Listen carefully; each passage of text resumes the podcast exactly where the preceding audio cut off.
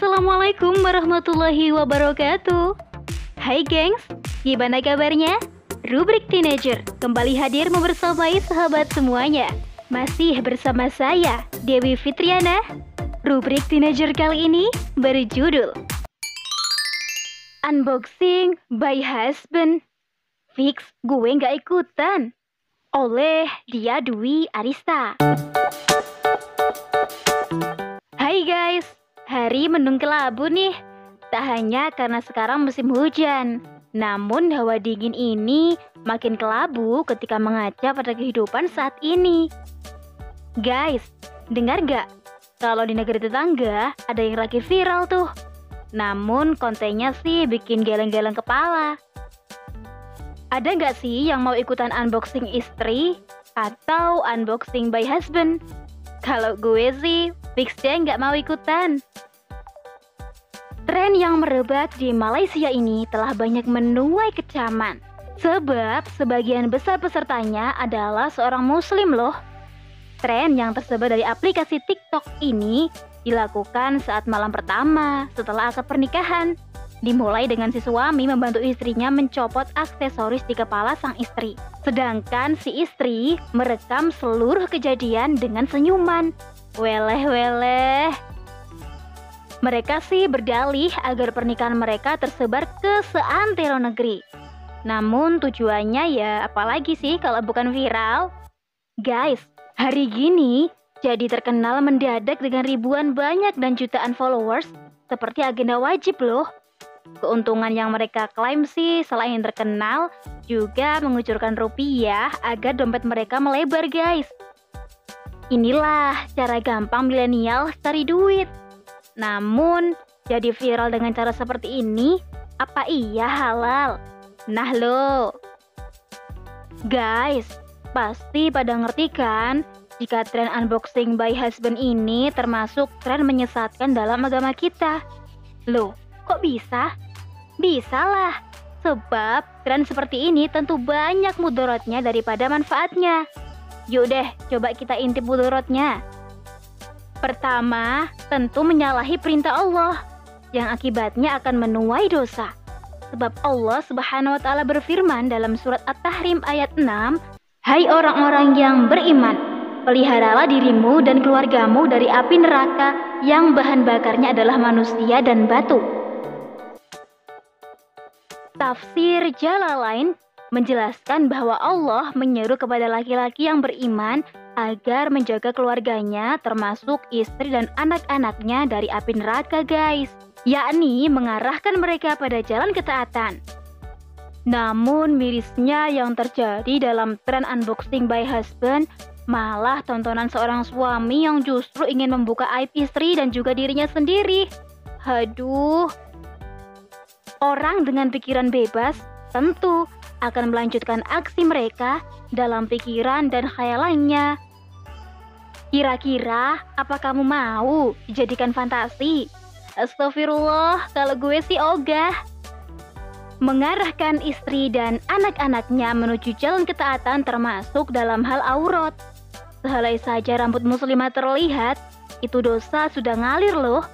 Apalagi kalau dibuka semua, nggak bisa ngitung deh berapa juta helainya. Begitu pola, dosanya pun nggak terhitung. Kedua, membuka peluang kemaksiatan jariah guys.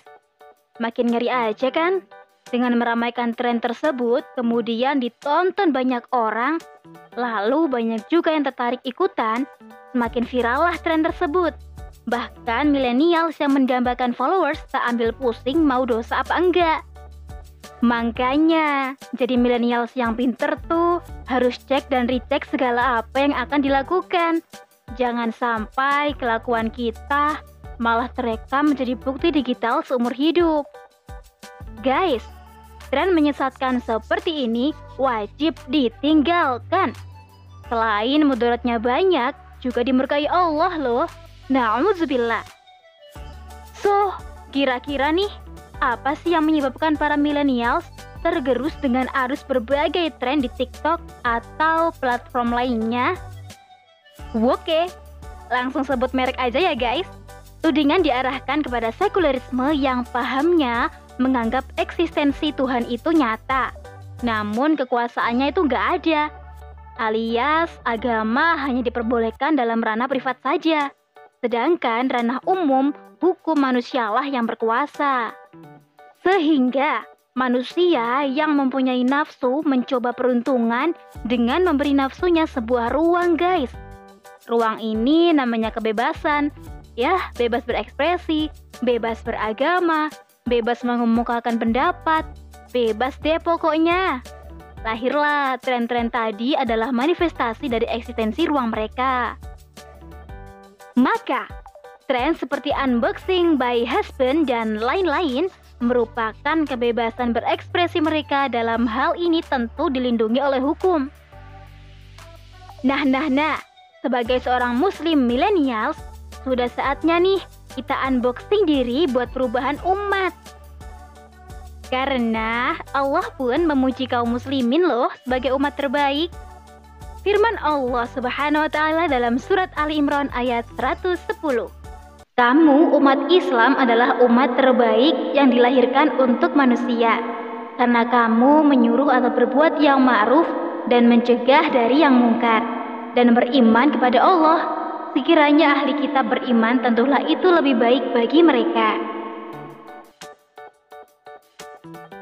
Guys, oleh karena itu, milenials wajib pentingin hukum-hukum Islam agar nggak salah arah kebijakan.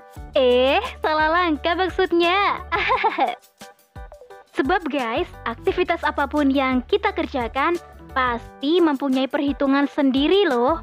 Tentu kita tidak mau dong dapat zong waktu hari penghisapan. Bisa nangis darah deh karena tertunda masuk surga. Nauzubillah. Islam telah sangat jelas membedakan amalan yang halal dan haram. Tugas kita selain melaksanakannya, tentu harus belajar dulu. Sebab kebanyakan ilmu-ilmu syariat tidak diajarkan di bangku-bangku pendidikan, guys. Maka bisa nih cari ustadz atau ustazah, teman solih dan solihah, atau bahkan kelompok dakwah untuk senantiasa mengingatkan kita agar tak terperosok ke jurang-jurang yang diciptakan sekulerisme ini. So guys, siap kan jadi milenial revolusioner? Milenial yang tidak asal ikut-ikutan tren. Apalagi trennya leneh di media sosial. Duh, trennya leneh. Fix, gue nggak ikutan. Oke, Dir. Sampai di sini dulu ya. Saya Dewi Fitriana, pamit undur diri dari ruang dengar sahabat semuanya. Bye-bye.